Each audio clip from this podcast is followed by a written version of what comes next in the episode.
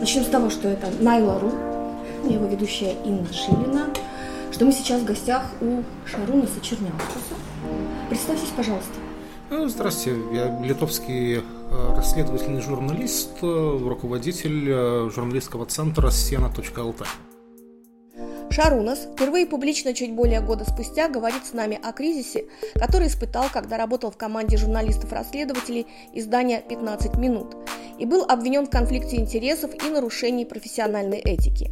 Этот разговор, вероятно, можно было бы посчитать в какой-то степени эксклюзивным, но я сочла важным не эксплуатировать и не выдвигать вперед ни одного его высказывания и сохранить последовательность разговора, за которым приглашаю следить до конца. Мы с вами услышим мнение известного, скажем так, полевого литовского журналиста о сегодняшних актуалиях, а его история приобретает новые оттенки, на которые в контексте предвыборной ситуации указывает другой наш собеседник. И Михаил Маглов. Мы с вами встречались три года назад. Да, наверное. В рамках проекта Пока горит красный. Пока горит красный. И вы как рассказывали про историю своей, своей политической миграции из России в Литву. Да, и, именно в принципе, так. все вот эти три года занимались тем, наверное, что устраивались в новой стране, да? Ну, я уже на тот момент, когда мы три года назад, в общем, вполне себе устроился, последние три года живу, работаю, занимаюсь э, журналистскими расследованиями, занимаюсь э, если можно так сказать, увеличением прозрачности и подотчетности власти, в первую очередь, в России. И, в принципе, мы тогда уже три года назад начали говорить про ПЭП. Вы тогда уже начали им заниматься? Нет, три года назад, я не помню. Ну и про крымские санкции мы уже говорили, да. Мы говорили, какие-то мы говорили про, про, про расследование, про ПЭП мы точно тогда не говорили. Это один из проектов, которым я занимаюсь сейчас. Последний год вместе с э, журналистами, с активистами из разных стран мы создавали, создали и сейчас опубликовали базу данных э, российских публичных должностных лиц как раз с целью того, чтобы и увеличить прозрачность власти и задействовать механизм а, по превентивному предотвращению коррупции для того, чтобы так называемые публичные должностные лица, они а, находятся на особом контроле у банков в мире, как, скажем, особые клиенты, как потенциально рискованные клиенты. А там только российские или там литовцы тоже есть? Мы создаем базу пэпов а, на данный момент именно российских. Это вообще идея, в общем, как не, не новая. Украинские активисты и журналисты такую базу создали, если не ошибаюсь, лет пять назад. А, и мы, в общем, просто смотря на их работу, изучая их методологию и каким-то образом адаптируя ее под российские реалии, мы занимаемся именно Россией, потому что а, для меня, в общем, в первую очередь а, Россия интересна, и тем более по масштабам. Я не являюсь гражданином Литвы, вот гражданам Литвы, я думаю, интересны литовские ПЭПы в первую очередь, вряд ли их интересуют российские. Ну, когда каждый должен понемножку вспахивать свой огород э, в первую очередь, э, чем э, соседний. Ну да, но я все равно читала вашу статью про Островец, про станцию. Это же ваша был текст? Да, по Островцу, да, это был, был материал, который мы публиковали в этом году, и нам как бы было интересно после съезда, который прошел в Литве, съезда движения против строительства атомной станции и призыва э, Витауца Лансбергеса по поводу того, чтобы заниматься этой темой. А, ну, мне стало интересно, потому что прошел съезд, а, там были белорусские оппозиционеры, был бывший министр иностранных дел Украины, который выступал с трибуны. Правда, никого из России, а почему-то учредители движения не пригласили, чем вызвали мое удивление. Они не пригласили или не приехали те? Я задавал вопросы с учредителем, так скажем, движения, а они никого не приглашали. Они не сказали, что это была целенаправленная позиция на мой вопрос. А, то есть э, мне это неизвестно, я задавал, и они говорят, нет, ну, так сложилось. Но... И вы сотрудничаете в каких-то аспектах, да?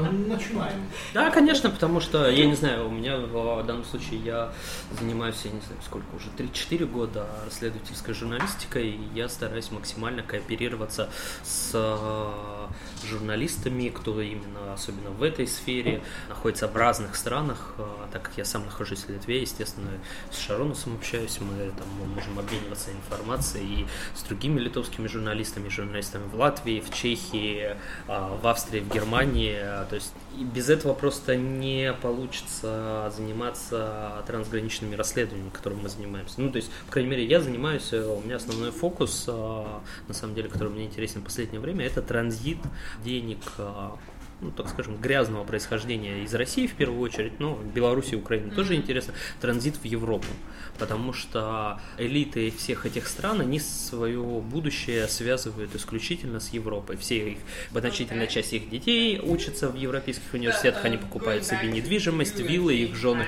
они проводят время, то есть они хотят быть э, европейцами и жить в Европе, привозя грязные деньги.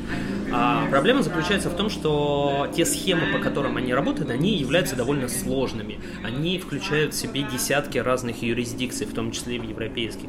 И Литва входит в этот? Мне, мне кажется, с точки зрения России, Литва не самое популярное направление, потому что ну, это надо быть, наверное, совсем каким-то отчаянным а, кремлевским идиотом для того, чтобы использовать, особенно после ряда банковских скандалов, для того, чтобы сейчас использовать а, Литву как, например, а, транзитную страну для перекачивания денег. Куда более при, проблемными и приятными а, простоте являются для, например, для российских коррупционеров это институции банковские и э, юридические услуги, которые предоставляются в Эстонии и в Латвии. Ну, Литва может э, немножко догнать и Эстонию, и Латвию, потому что у нас э, очень быстро и впечатлительно развивается сектор финтех. А вот там рынок очень еще мало регулированный, Э, мало отчетности, мало превенции отмывания денег. Э, так, по-моему, когда будет следующий крупный скандал по отмыванию денег в Литве, это большая вероятность будет не традиционный банк, а какой-то финтех. Как вы слышите, в хабе, где работает Шарунас, очень шумно и многолюдно. Но когда освободилась совещательная комната, мы перешли туда. На фоне щелчки затворов от аппарата Артура Саморозоваса, нетерпеливые вздохи сына Михаила, он рисует и играет в компьютерную игру, Шарунасу звонит его сын, а за окном мансарды, звон колоколов кафедрального собора и очень жаркий июньский день. Журналист вступает в определенные отношения с тем человеком, на которого он там, в общем, в принципе, насобирал материал. И он остается один на один, это тет с этим человеком. Ну, в истине да, потому что э, даже есть, э, если есть э, адвокат, который может, конечно, помочь и очень помогает адвокат в, таких случаях, все равно это твой материал, и адвокат никогда не будет про твой материал знать столько, сколько знаешь ты. И доказать, что то, что там написано, есть правда, можешь только ты. Адвокат тебе может помочь это написать ясно по, по логике суда. Но э, в Литве, по-моему, это будет проблема. Она еще не такая большая, э, но уже формируется такая культура угрожать журналистам и преследовать их э, по всяким институциям, не только в судах, но и э, есть у нас две службы по журналистской этике. Во-первых, там, потом суды. Бывает и полиция, и правоохранительные органы. Это и... может быть и служба по правам ребенка, все что угодно может быть. А, да, ну, слава богу, у нас ситуация далеко не так плохая, как, как в России или в Беларуси. А, но точно а, наша, а, наша страна нет э, каким-то идеалом. И здесь э, есть методы, как, как можно преследовать людей за критику. И бывают э, довольно мелкие случаи в регионах, бывают и национальные случаи. Ну, и, скажите. А, ну, я сейчас э, сам с таким столкнулся, не могу сейчас так детально рассказывать, но ну, очень по- грязно. Последний случай. пример э, коллег, когда выпустили материалы, когда лидер правящей коалиции выходит и да. вместо, вместо того, чтобы содержательно рассказать, а, как бы и прокомментировать, и, и, насколько я понимаю, выходит и говорит, ну, мы еще разберемся с этими журналистами, и, по сути, публично им угрожая. А, и я, если честно, удивлен, что литовское общество, по сути, это проглотило, потому что никакой реакции, в том числе, вот на что уж надо правовое реагировать, так это вот э, одна подобного рода угрозы, э, связанные исключительно с профессиональной, в том числе, деятельностью. Это вы сейчас про что конкретно? А, был материал ЛРТ, я уже не помню, о чем это. Когда начался э, весь этот скандал министра Наркевича. А, да, это когда подробно отдел расследований Литовское радио телевидение рассказала про министра транспорта рассказала про обвинения к нему со стороны а, бывшего подрядчика, который ремонтировал дом и получал госконтракты, связанные с его семьей, и были задокументированы, в том числе и документами, и а, показаниями, и по сути, ну, это было, были публичные обвинения министра, да, в ответ на это господин Карбовский, лидер правящей оппозиции, если я правильно понял, как раз выступил с угрозами в отношении журналистов журналистов, которые делали этот материал, правильно? Ну, так, По сути, он сказал, что нужно порасследовать э, самих журналистов. Ну, это как бы, э, это вот такая классическая угроза, которую очень часто, в том числе, а, применяют э, в России к журналистам независимым, а, когда они выходят говорить о проблеме, им говорят, ну, мы сейчас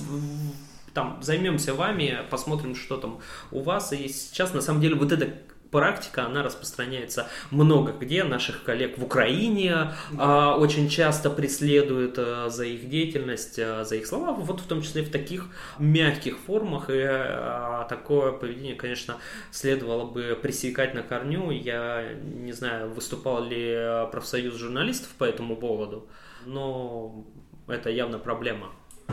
Мне вот интересно, вот традиция расследовательской журналистики, она в Литве, она как бы, когда, примерно какое время начала появилась? Ну, такой Можно ли вообще уже говорить о традиции, что она уже сформировалась? Ее еще нет, она растет, по-моему. Вот, э, кстати, я год назад э, немножко читал архивы журналиста Битаса Лингеса, э, которого убили по заказу мафии в 90-х годах. Вот то, что он делал, это было очень-очень близко к тем методам, на которых мы работаем сейчас. Вот. Какие это методы? Ну, финансовые документы, анализ, отслежение денег э, и без интернета, все по источникам, все на бумаге. Очень-очень впечатлительная работа, и он так э, просто ширял по деньгам литовской мафии.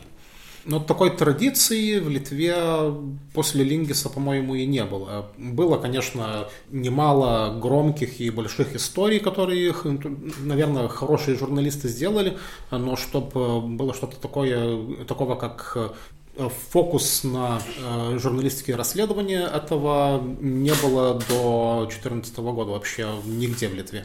Это началось именно с редакции 15 минут. Да. И, видимо, еще не сформированная реакция да, на, на на эти расследования? А, ну, таковая. как видим, формируются, формируются. Реакция как раз формируется. А что касается традиции, мне кажется, это тут даже посмотреть шире, никакой традиции, ну, большой прям традиции расследовательской журналистики быть не может, потому что расследовательская журналистика, а, неудобная, б, убыточная с точки зрения затрат и э, невыгодная медиа с точки зрения ведения бизнеса.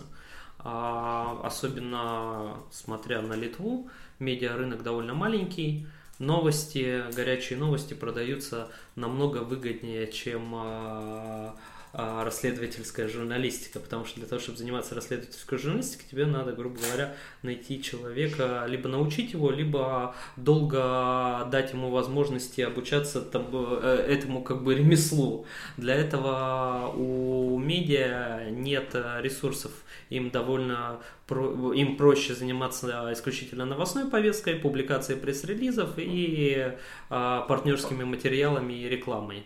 Это бизнес. Ну, так или иначе, расследование, оно ведь удешевилось насчет того, что очень много сейчас электронных регистров, э, не обязательно тебе самому ехать, расспрашивать, а, там, сканировать, сидеть в документах в какой-нибудь Нет, душной ну, комнате смотря в другом как- городе. Если мы сравниваем с 90-ми, то, конечно, возможностей с одной стороны больше, с другой стороны а, возможности тех людей, про которых, как правило, расследуют, их тоже а, выросло, да, то есть, а, ну, иди попробуй расследуй по биткоинам, как там перемещались деньги. Я знаю, там, я не знаю, максимум трех журналистов, которые вообще способны, рынок биткоинов для отмывания денег очень большой, очень великий. А, схемы сложнее стали. А, Да. Там, например, 15 лет назад э, не так и редко случались такие вещи, как вот есть э, компания в Панаме, которая прямо принадлежит э, дочери президента Азербайджана. Ну, это светило, просто вот, э, как это по-русскому, не знаю, джекпот. Все. А сейчас, э, ну, э, выросла и вся индустрия. Э, Откровенно говоря, ну, то- точно немалая часть финансового сектора, она держится на отмывании денег в одном или другом э, случае. И есть люди, которые в этом, в этом э, специализируются. Есть люди, которые строят огромные схемы, есть люди, которые э, используют десятки компаний для сотни клиентов. И уже очень редко случается так, что ты вот так мигом э, находишь, что вот э, здесь деньги того и того Пепа, например. Эта индустрия, она эволюционирует, она делается гораздо э, больше, сильнее, и это немалой частью из-за нашей работы. То есть вы их и, как это, эдукация такая, А, да? и, и растет запрос. Если кто-то вот так грубо себе открывает офшор на свое имя и так далее, и залетел, в следующий раз он, он пойдет к специалисту, который на этом заработает. В любом случае, как бы в этой гонке а, журналист догоняющий, потому что Да, всегда. а, у журналиста меньше денег, у человека, который отмывает деньги, у него всегда больше возможностей нанять специалистов. А когда журналист может в реестрах, не выходя из дома, посмотреть, а коррупционер может, не выходя из дома, нанять команду юристов а, по всему миру, которые ему организуют а, и предложат а, такие финансовые схемы в закрытых юрисдикциях оф- офшорных, что журналист туда, как бы, возможно, никогда не доберется, пока оттуда не произойдет какая-нибудь теоретически утечка. То есть а, журналист всегда будет догоняющим, конечно же, методы коррупционеров как бы эволюционируют, потому что технологии журналистов тоже как бы меняются, догоняют. И это вот такая гонка, она будет происходить всегда, но журналист всегда будет догонять. А вот, вот среди вас, э, расследующих журналистов, есть конкуренция или кооперация? Территориальность или такая общность? Кстати, это я как раз хотел упомянуть. А, В Литве формируется по- понемножку традиция каких-то журналистских расследований, но вот традиции кооперации нет. Потому что, ну, моя теория, э, очень маленький рынок, и все друг друга э, предпринимают как конкурентов. Ну, вообще, это, по-моему, очень нездоровые отношения, и так мы просто сами себе вредим. В итоге проигрывает Литва. Именно. И вот э, это одна из вещей, которую, которую я хочу делать э, со своей NGO. Э, Как это по-русски? Некоммерческая организация. Ну да. Э, Вот сейчас мы пробуем э, кооперировать э, с журналистами из литовских регионов. Из там э, малых э, изданий, которые ну, не имеют больших средств, э, у которых нет знаний, как там копаться по документам и так далее. Так мы предполагаем свою помощь с технической стороны. Вот есть у тебя сплетни про там мест- местного политика, например. Ну давай проверим. И сейчас уже начинаем на этом, на этом работать, и это работает. Вот, по крайней мере, в, регионах, в в регионах э, есть э, интерес э, к этому. Э, Они хотят э, э, работать с дру- с другими журналистами, они хотят, чтобы их темы э, вышли на нац- национальный уровень. Э, Ну, но не знаю, как э, будут э, сотрудничать, например, две газеты из того же самого э, города. Это, наверное, будет посложнее. Ну, у нас мало городов, где помещаются две газеты. Не такая большая проблема. А, Но чтобы была какая-нибудь э, ко- кооперация между конкурирующими изданиями в Литве, ну, этого, по-моему, почти нет. Бывает, что журналисты, они сами, сами одним, одним с друг другом пообщаются, помогают, посоветуют что-нибудь, но чтобы сделать какой-то там крупный проект расследовательный, например, там, не знаю, 15 минут и Delphi, Delphi и ЛРТ, ну, не знаю, я очень надеюсь, что когда-нибудь я что-то такого увижу, но сейчас, по-моему, это, по крайней мере, э, в следующий год или два это невозможно. Так быстро? Два года? Ну, ну это как минимум, знаете. Это очень много времени. Я всегда оптимист. А в России как раз наоборот, в последнее время тренд на кооперацию, может это просто такой эффект э, выживания и сворачивания а, свободных медиа, но в последнее время вот именно с точки зрения расследований издания стараются кооперироваться. Последний пример, это месяц назад был а, расследование, которое касалось а, истинных владельцев схемы владения издания «Ведомости». Это было последнее а, бизнес-издание, которое сегодня, с сегодняшнего дня, можно считать, э, прекратило быть независимым. Сегодня это издание покинули ключевые журналисты. Но материал, который вышел, он был в кооперации непосредственно редакции саму, самих ведомостей, Медузы, РБК, Forbes и, кажется, издание The Bell участвовали. Это было, грубо говоря, такие ведущие деловые или около деловые медиа, которые сделали одно большое расследование. Это было прекрасным примером. И сейчас, а, на самом деле, очень много а, коопераций между разными проектами, изданиями, медиа а, по разным расследованиям. Просто вот ну, наверное, вот последний год такой прям скачок. А, наконец-то издания поняли, что поодиночке, что они а, в, каждый по отдельности многие темы не могут осилить потому что у одних есть одни инструменты, у других другие разный навык а, как бы журналистов-расследователей тоже. В общем, немного они в разных изданиях. Каждый поодиночке а, сложно в том числе поднять какие-то большие истории, потому что ты должен сделать, а, провести большую работу. И год назад, например, история с арестом Ивана Голунова, а, его как бы материал, по которому он считал его арестовали, а, дорасследовала, опять же, несколько, там, по-моему, до десятка изданий и, по-моему, несколько десятки журналистов. Ну, в общем, такой тренд на кооперацию сейчас в расследованиях есть, и это хорошо, потому что это позволяет как раз заниматься, а, большими историями, делать их качественно и профессиональнее, и э, эффект от этого, важность, так скажем, истории, она звучит э, намного больше и привлекает внимание, чем э, это одно издание. А самое главное, что это сложнее заткнуть рот журналисту или заткнуть рот изданию одному. И э, издание понимает, что есть важные темы, из-за которых как бы они не стоят того, чтобы делить э, условно клики рекламодателей или что-то а, кстати, в этом роде. насчет кликов а, вот, на расследовательских э, материалах, как читают популярные, да. очень всяк бывает. Бывают и очень популярные, бывают и не так популярные. Но э, так или иначе, это никогда не будет так эффективно, как писание статей по, там, по постам на Фейсбуке. Потому что таких статей ты можешь написать 10 в день. А если работаешь на расследовании, то можешь на одной истории проработать и месяц, и два, и полгода, и несколько лет. Ну вот вы знаете, что касается литовских расследований, мне иногда такое впечатление складывается, что когда ты читаешь это расследование, то это только материал для материала, то есть материал для истории, материал для некого нарратива. Мне кажется иногда, что это слишком бывает слишком сухой, слишком схематичный, очень технический текст, который требует еще вот заново его полностью, чтобы его презентовать, опять же, читателю. А, и, может быть, от этого еще может что-то зависеть, вот эти вот клики и читательская заинтересованность. А, да, я, я здесь согласен. И, кстати, мы на международном уровне об этом говорим э, много, потому что, ну, это, наверное, какая-то болезнь у нас, журналистов-расследователей. А мы очень любим э, рассказывать, как там есть э, компания А, из которой деньги идут в компанию Б, потом в компанию С, Д, Е и так далее.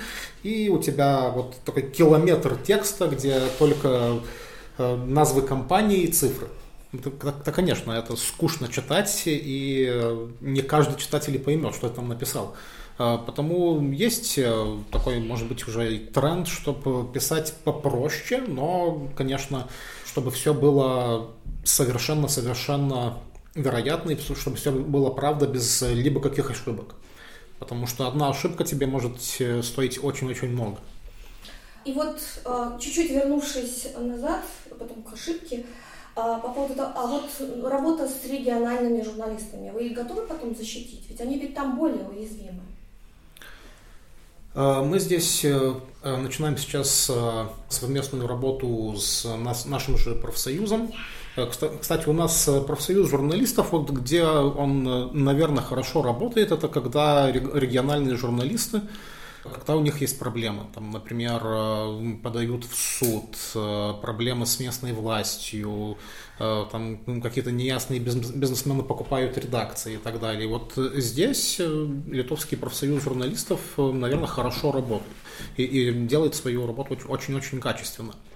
Конечно, во-первых, ну, у нас нет ни денежных средств на адвокатов, я сам не юрист, конечно, а, но вот у нас сейчас был один такой пилотный проект с изданием Таурагес Курьерис. Так мы сначала сделали одну историю про местного политика, у которого сейчас уголовное дело из-за как это фичинис банкротес. Фиктивный, фиктивный банкрот. Да. Э, так эту историю мы делали совместно. Э, мы рассказали коллегам из этого издания, как мы нашли эту информацию, что каждый кусок информации значит. И когда уже э, было нужно писать самую статью, так мы всю ответственность на себя взяли. Потому что, ну, там, одно слово не такое, и у тебя будут проблемы в суду. Так, пока что в суд не подали. Но Э, уже есть э, результат. Я, я, очень-очень рад, потому что это издание уже начинает работать на своих историях. Вот э, у них была эта модель, вот такой очень интересный, скажем так, банкрот. И они эту модель через несколько недель распознали в другой компании в своем регионе. И тоже написали. Статья интересная, конечно, есть очень много еще где можно то, блядь, совершенствоваться. А мне вот интересно, на литовском практике, например, э, дорого обходится расследование журналистика в этом смысле, что после публикации, то есть с кем сталкивается издание, там, судебные процессы, там, Пост-история дорого ли а, обходится? Всяко бывает. В моей практике были, ну, конечно, там судебные иски, это э, само собой, но был не один, не два случая, когда Э, крупные компании просто убирали рекламу, и так убирали крупный источник денег э, для редакции. И потому, кстати, э, мне очень нравится сектор NGO. Я знаю, что здесь нет такого, такого большого аппарата, который и может за тебя постоять, и тебя, может быть, лучше защитить. Но зато и нет этой головной боли, что вот напишешь про крупного рекламодателя и будут проблемы. Да, кстати, да. Про Вулиса, например, он как крупный рекламодатель, да, писать неудобно, как может быть Дельфи, наверное. Ну да, я, писал про трех из десяти самых крупных рекламодателей Литвы, и все три убрали деньги. А, а вот скажите, какие это истории, литовские истории, вот нуждаются в том, чтобы их а, расследовать, да еще и кооперироваться. Вот так очень серьезно, так вот что называется, рукава закатав и все вместе сделать. Что это, что это за история? А, ну, почему я сейчас э, очень сосредоточен на, на регионах?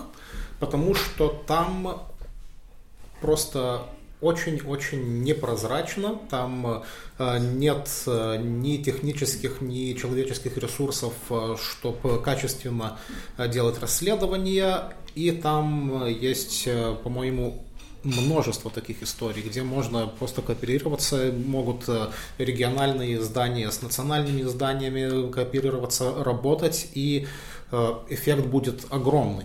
Сферы примерно. Я понимаю, что сказать конкретно вы не можете, потому что вы предупредим, да? Но все равно сферы это какие сферы? Это самоуправление, местные политики, есть... которые, ну, просто, э, ну, мы это назвали операция «Царь». Почему? А, ну, это в честь мэра Друсканенка. Понятно.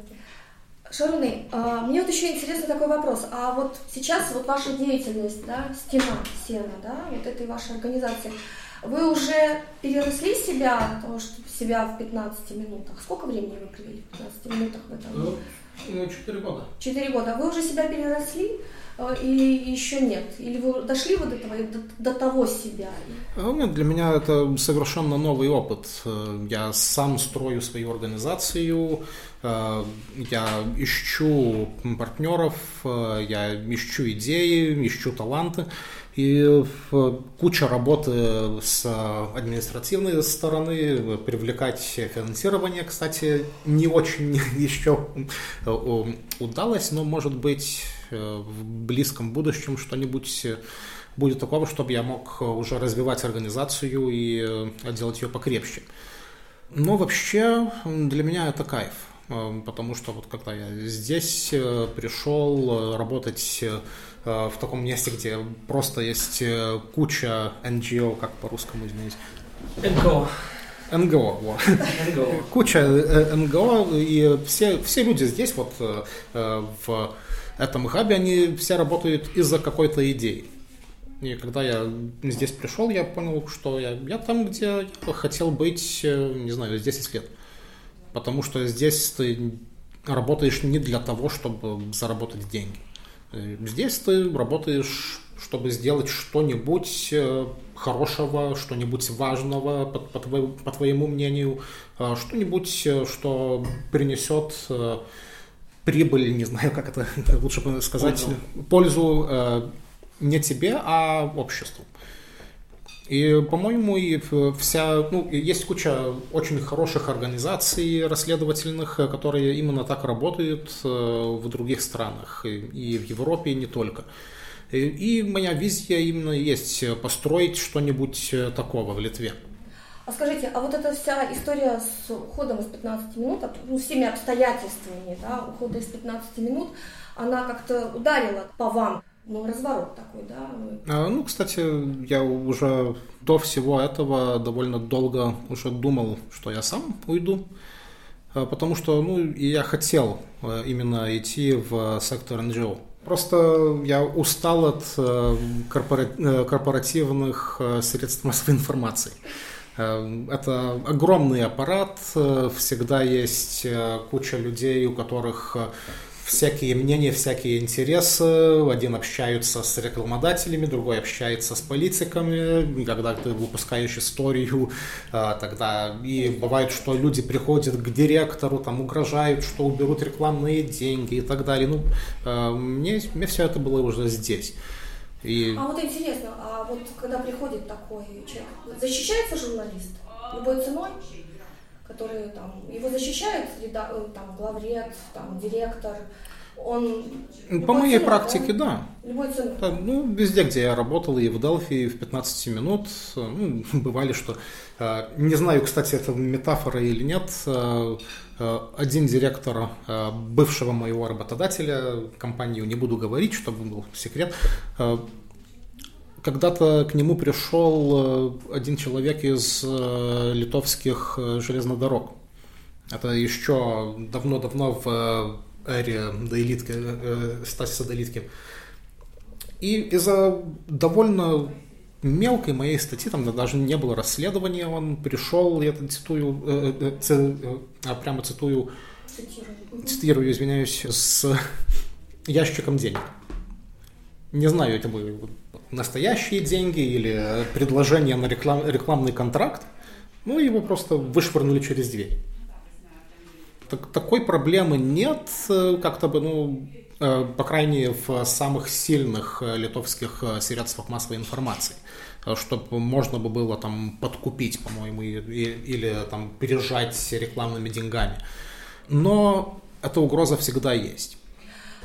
Вот сейчас слово сказали э, корпоративность, и вот когда я возвращалась назад, такую ретроспективу тех событий, которые произошли вокруг вас, да, вот мне сейчас отчасти отвечает, потому что она мне не до конца понятна, и мне кажется, реакция на историю была слишком, может быть, бурной и слишком такой, как я даже не знаю, такой обширный, и вот она, по-моему, вот именно, как вы сейчас сказали, слово корпоративная была реакция. А по поводу этой истории с, со сбором информации для э, конторы там, Гудяниса.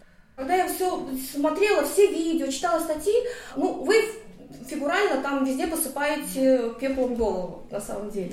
Но мне кажется, что там не совсем просто было все. Не все не так просто было, как то, что это была лишь, лишь тактика а, защиты от всей этой истории, то, чтобы вот признать свою вину полностью и все на себя как бы взять, или нет? Я говорил и буду говорить до смерти, что не было это ни коррупция, ни взятка, ничего подобного.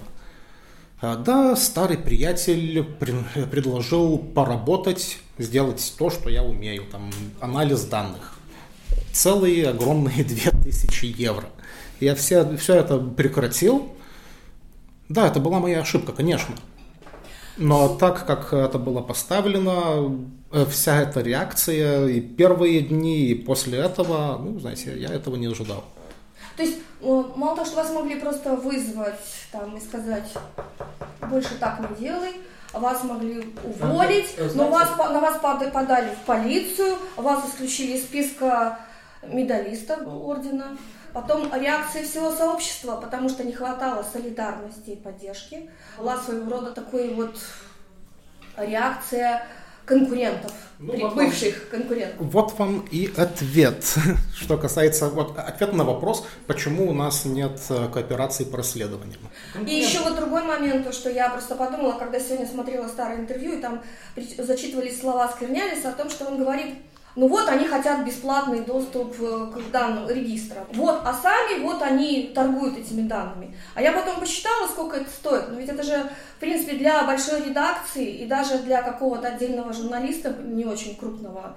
И, в принципе, ну как, ну, месячный проезд на транспорт, да, или там годовой, или еще какой-нибудь. Но ведь это же не очень дорого, и даже сам тот человек, который хочет собрать на кого-то информацию, он сам может купить эту услугу. Единственное, что, я так понимаю, у вас купили услуги аналитика, да. а не услугу того, что вы, там, не знаю, воспользовались доступом. Потому что он сам мог легко купить этот да. доступ. Ну, это не так дорого и стоит, э, ну, конечно, если там собираешь э, финансовые документы за 10 или 15 лет, тогда, ну, эти а, стоят подороже.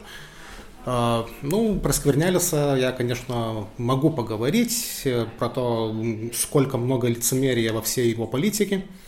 Но ну, это уже, не знаю, может быть, тема на другой разговор. А можно я тогда, э, чтобы не, все равно не, не на другой разговор, а, ну, как бы сквернялись, прежде чем делать а, очередные популистические а, заявления, в том числе он человек как бы а, юридически подкованный, все-таки бывший а, министр а, МВД, а, ну, который рассказывает, стоит вопрос, а почему они вообще платные? Чехии реестр коммерческий открытый. В Великобритании коммерческий реестр открытый. Огромный коммерческий а реестр. В Латвии, по сути, тоже открытый. Ну, как бы, где хоть одна а, вменяемая причина для того, чтобы этот реестр был закрытый? Почему а, компании, которые занимающиеся бизнесом, не могут за пару минут, прежде чем заключать сделку, провести э, самостоятельный обзор, а с кем они заключают сделку, почему они должны устраивать танцы с бубнами и платить государству за то, чтобы получить какие-то, ну, как бы в значительной части Европы открытые данные. А, да, а, и, не, не, и потом не задавать а, вопросы Шарунасу или кому-то еще, кто там взял какие выписки, сколько он за это, почему эти данные вообще скрываются государством и не являются публичными, хотя все компании и ведут публичную деятельность, и э, вообще как бы открытость коммерческого реестра и прочих реестров у государства один из критериев для оценки противодействия э, уровня коррупции и возможностей для их противодействия. А, как журналисты-расследователи можем, вот, я не знаю, по той же Чехии открыть любой документ по любой чешской компании, который хранится на публичном сайте, и посмотреть там а, все интересующие нас документы, всю финансовую отчетность, и увидеть, какая компания, где является бенефициаром казахский или русский олигарх, где является русский чиновник, а, где он увидеть, что он не задекларировал свою эту компанию. 2020 а, год – полная цифровизация, Литва до сих пор скрывает реестров и не имеет реестра бенефициаров. Хотя уже, по-моему, два года она должна иметь. И его просто не существует. Это есть какое-то обязательство? Да, Европейский Союз э, несколько лет назад принял обязательство для, для как раз отслеживания, в том числе грязных денег, отслеживания бенефициаров компании создать, потому что существует много используется компаний прокладок, например, кипрских, или там Мальдивские острова, или а, прочие. А, для этого в том числе существует такое, приняли решение создать отдельный реестр бенефициаров компании, чтобы не смотреть всю цепочку, а увидеть, кто непосредственно владеет компанией X. Каждая европейская страна взяла на себя обязательства по созданию такого ЕРС. И британцы сделали а, в своем же публичном реестре, сделали это одними из первых. Да. И опубликовали, и это находится все в открытом доступе, потому что Великобритания поняла большую... У них, они поняли, у нас проблема с грязными русскими, казахскими, украинскими, азербайджанскими и так далее по списку авторитарных стран а, деньгами. Они поняли, что да, мы хотим, конечно, деньги, но для нас не все равно является вопросом, а, насколько криминальны условно эти деньги. Поэтому мы хотим знать, кто является конечным бенефициаром. Литва должна была, кажется, год назад запустить этот реестр. Его до сих пор нет. Ну и, кстати, когда он будет, я не буду удивлен, если он не будет э, э, доступный обществу. Это, в общем, тоже к вопросу про прозрачность. И тогда, вот если бы как это, тогда бы вопросы бы не, во, в принципе, там, в данном случае к Шанусу вообще бы не возникало. Потому что а, я не могу себе представить ни одного журналиста-расследователя, а, не знаю, в европейских странах, в странах Восточной Европы, моих коллег, которые бы а, заказывают выписки, заказывают во многих странах, заказывают а, в разных количествах. И в данном случае не заказывание этих вы, выписок является каким-то плохим делом или, я не знаю, преступлением, а сокрытие этой информации от общества и от журналиста является преступлением против общества. Вот сейчас то есть, прозвучало важно, что сказал Миша. Но почему это не прозвучало тогда? Сколько лет прошло? Два года, да? А, год. Год, да? Немножко больше, чем год. Почему этого всего не прозвучало тогда? Ведь это же не было в публичном пространстве в тот момент. А, нет, тогда про все это не говорил, потому что ну, слишком много всего произошло за несколько дней. Просто от этого было слишком много для меня, и я просто был в нокауте. Ну, я так примерно и поняла, что ну, это... лучший способ поведения в тот момент был такой, какой вы выбрали. Но сейчас, может, уже пришло время чуть-чуть объяснить это все, да? А, я и раньше этой деятельностью занимался, и, ну, раньше, до этого несчастного случая, когда ко мне этот бывший уже, кстати, друг пришел, я никогда не работал на никакого литовского предпринимателя. Была компания из Германии, у которой были клиенты, которые хотят инвестировать, инвестировать в Литве. Ну, я сделаю анализ. Вот. А, ну, эта компания имеет проблемы, у этой компании там а, что-то не так а, с публичной деятельностью и так далее. Так самое плохое, что я там сделал, так кому-то сберег денег немножко если не, не купили, как это говорится, э, кошку в мешке. А знаете, возвращаясь к этой истории, у меня был такой план, и я про это говорил только нескольким людей, э, людям. Э, я хотел уходить и делать что-нибудь своего осени прошлого года. У меня уже было решение, я, я хотел уйти. Про причин много рассказывать не буду, но я уже хотел э, уйти из там. И когда все это произошло, мне даже не оставили такого варианта.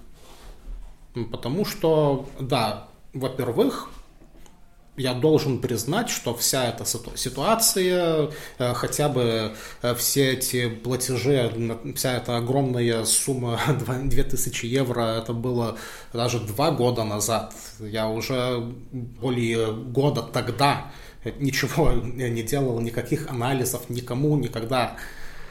Но я знал, что это делало меня уязвимым. Так если бы мне предложили, конечно, я бы сам ушел. Потому что, во-первых, да, я уязвим. Это уязвимое место и, и, и мое, и моего отдела. Я бы ушел. А, но решение приняли без в чем меня. Выгода такого решения, такого громкого, публичного? В чем Ой, этот, этот вопрос не мне, извините. Я не знаю. Как вы вообще это все пережили вообще? Ну, по-моему, так э, я и сейчас травмирован потому что меня э, как-то бы, ну, привязали к фейерверку и выстрелили. Вот так. Да, я, я сделал ошибку, я это признаю. Ну, как бы это, а, возможно, ошибка, но тут нету, а, не, в, там в истории с Ширенцем, а, нету никакого абсолютно преступления, все люди совершают ошибки и как-то их осмысливают и живут э, дальше, но а, когда это прогремело, когда пытались ошибку выставить как некое преступление, политически воспользовавшись в том числе моментом, а... Какой это был политический момент? Ну, я, если правильно помню, это когда было, прям, там в, в, в, э, речь была, выборы были на носу, да. и в тот момент публиковалось очень много расследований разными изданиями, в том числе и готовилось. Я думаю, многих, э, многим было выгодно а, в преддверии э, выборов сожрать одного из ведущих в Литве журналистов-расследователей, чтобы на выборах никто ничего не рассказал. И я сейчас, и, как это, выступлю плохой вангой, но у меня очень большие опасения на сегодняшний день по поводу команды ЛРТ.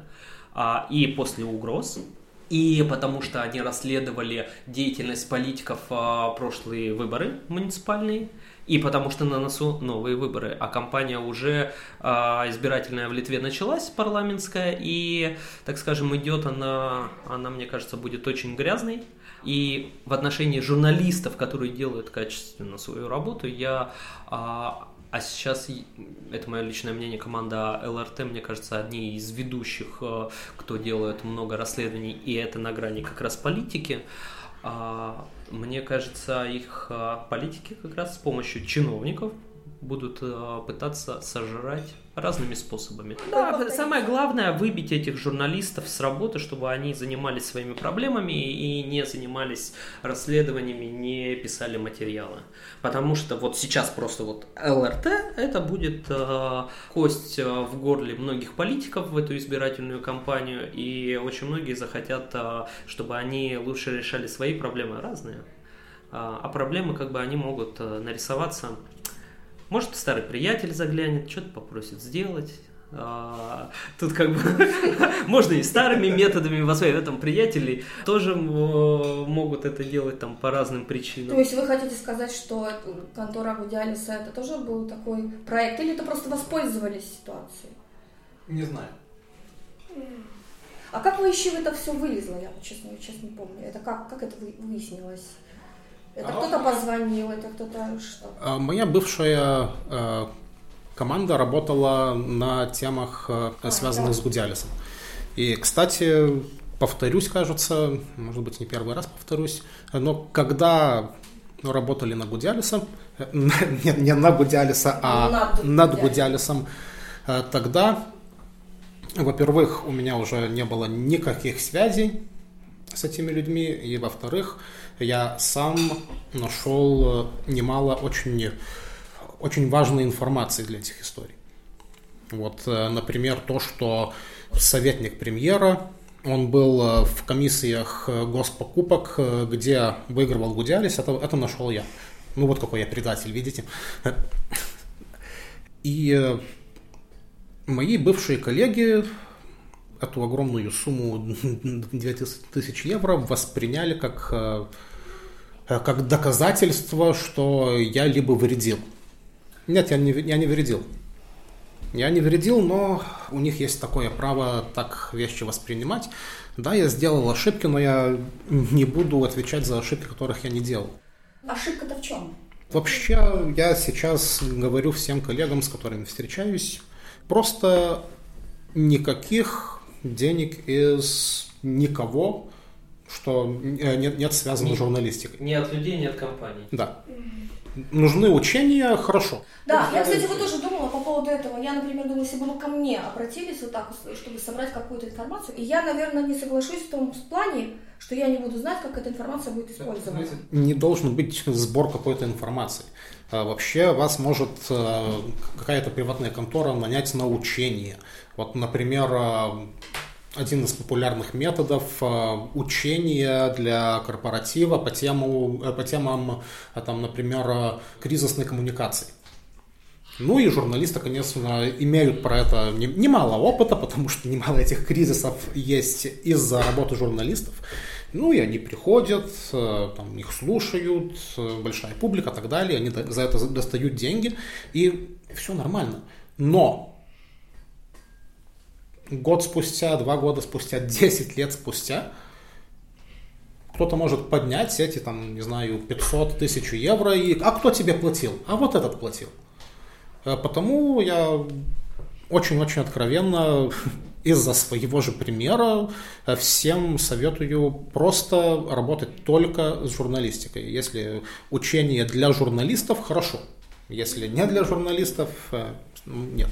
Значит, а, прежде чем с кем-то взаимодействовать, изучите, с кем вы собираетесь взаимодействовать да. и почему. Во-вторых, а, по поводу сбора и анализа информации, я бы как это не стал бы а, всех отправлять в шпионов, в разведку и прочее, и в некий криминал, ну потому что, потому что, а, потому что существует а, целый пласт а, компаний, которые занимаются комплайенсом, у них есть клиенты, которые хотят знать о своих возможных а, партнерах бизнес Потому что прежде чем заключать многомиллионный контракт, ты лучше потратишь 10 тысяч на то, чтобы тебе специалисты изучили твоего бизнес-партнера и не выяснится, а, особенно если это международные э, компании, ну, из разных стран, не выяснится, что к ним завтра, к твоему партнеру придет, э, например, ФСБ, и ты больше не получишь никогда товары за оплаченные деньги. Ну, то есть там может быть очень разных. Вообще банки а, имеют все свои а, обязаны там проверять клиентов, да, они должны знать.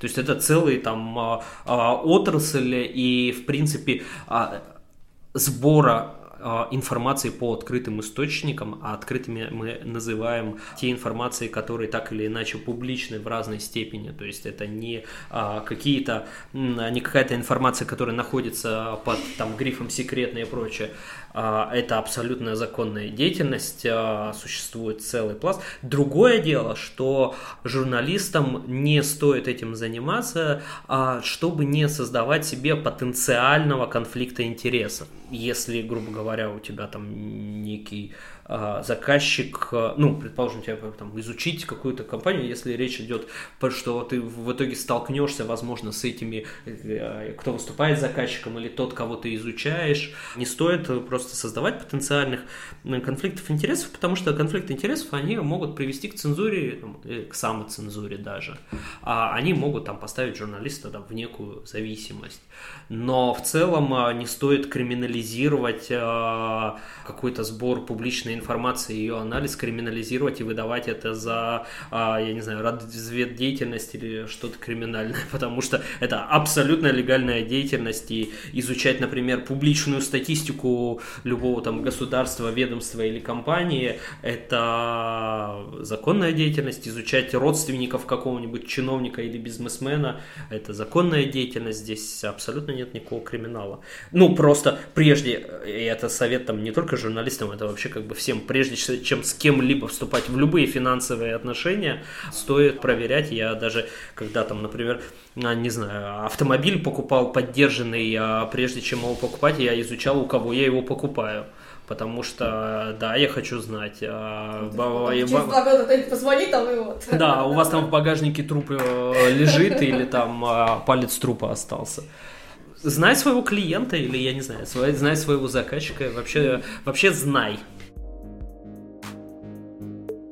Это были Найла Ру и Инна Шилина. Всего доброго и до следующих встреч. Вы можете поддержать нашу журналистику через patreon.com на нук мультимедиа.